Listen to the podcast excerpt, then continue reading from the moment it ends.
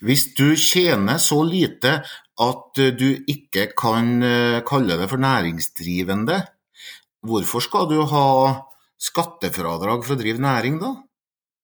Nasjonen på Øre ser på fattigbønder i nøysomhetsfella.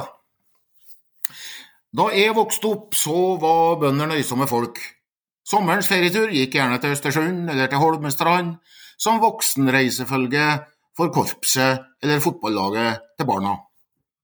Kona på gården var ofte lærer eller sykepleier, og gjorde nødvendige innkjøp av mat og klær. Bonden sjøl var sjelden på butikken. Den gamle poplinsjakken hans var fin nok for de årlige bondelagsmøter eller basarer.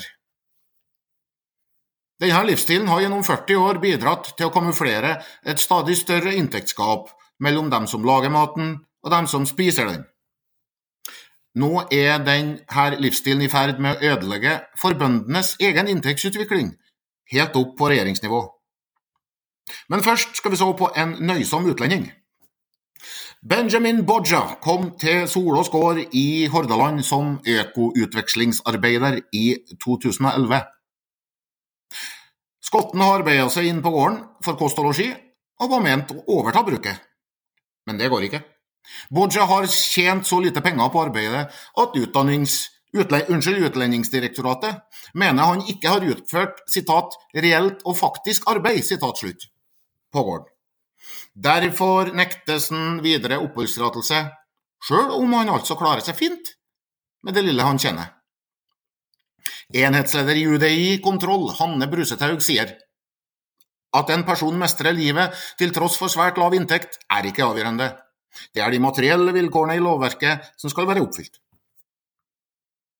I Moss finner vi en annen ja, bonde som klarer seg med lite.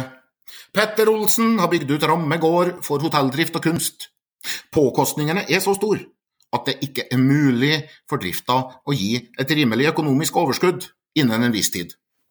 Og da kan ikke Olsen kreve fradragsrett for byggekostnader, ifølge Høyesterett. Staten fikk medhold i at prosjektet bærer mer preg av hobby enn av næringsvirksomhet. Det holder nemlig ikke at driftsinntektene er større enn kostnadene. Selve investeringa må også gi avkastning på egenkapitalen. Hvis du er norsk matprodusent, så er det helt ok å tjene lite. Ja, det er faktisk helt nødvendig.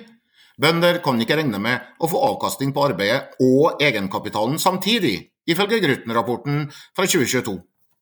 Hver fjerde bonde taper penger på å lage mat.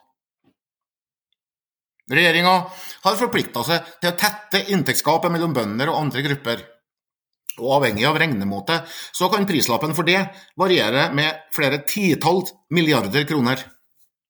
Den sparsommelige regjeringssjef vil spørre seg hvor lite kan jeg slippe unna med å bruke her, og fortsatt hevde at gapet er tetta? Så nå diskuterer Arbeiderpartiet og Senterpartiet i regjering hvor mye hobbybøndene skal telle. For er det egentlig statens oppgave å løfte inntekter til folk som ikke er så opptatt av inntekt? Dessuten tjener jo mange hobbybønder vel så godt som vanlige folk, fordi de tar arbeid som vanlige folk, i tillegg til å drive som bonde med tap.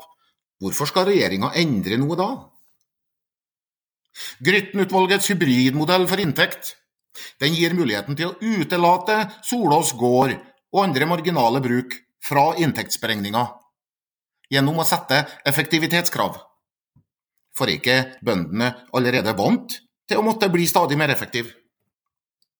Det årlige effektiviseringskravet som legges inn i jordbruksoppgjørene, det er imidlertid vesensforskjellig fra det effektiviseringskravet som regjeringa nå vurderer. Det førstnevnte har vært brukt til å måle utviklinga i bondeinntekt i forhold til andre gruppers utvikling. Men nå skal bøndenes inntekt isteden måles på nivå. Og hvis ulønnsomme bruk da utelates, så vil politikerne kunne beregne at inntektsnivået for bønder er høyt.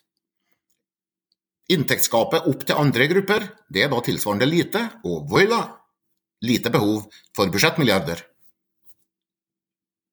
Hvis ikke staten eller Stortinget sørger for at jordbruk kan gi avkastning på både arbeid og egenkapital, så kan altså skatteetaten finne på å følge opp ramme gårddommen fra Høyesterett, slik at bønder mister fradragsrett for moms og utgifter. For når folk som ikke gjør reelt og faktisk arbeid, nektes adgang til riket, så kan vel ikke det samme lave inntektsnivået utløse skatte- og avgiftsrabatt for norske bønder? Som Gøran Østermann Tengs hos regjeringsadvokaten sier, næringslivet vil generelt være tjent med at skatte- og momssystemet ikke utilsiktet subsidierer aktiviteter uten objektiv overskuddsevne. Det er ikke de flinkeste bøndene som metter folk og gir landet matberedskap, det er gjennomsnittsbonden. Og dersom fattigbøndene skal holdes utenom inntektsutviklinga og inntektsberegninga, så vil snittbonden aldri oppleve noen tetting av inntektsgapet til andre grupper. Og det er det Arbeiderpartiet og Senterpartiet nå vurderer. Nasjonen på Øre ønsker en fortsatt god dag. Kos deg med norsk mat så lenge du kan.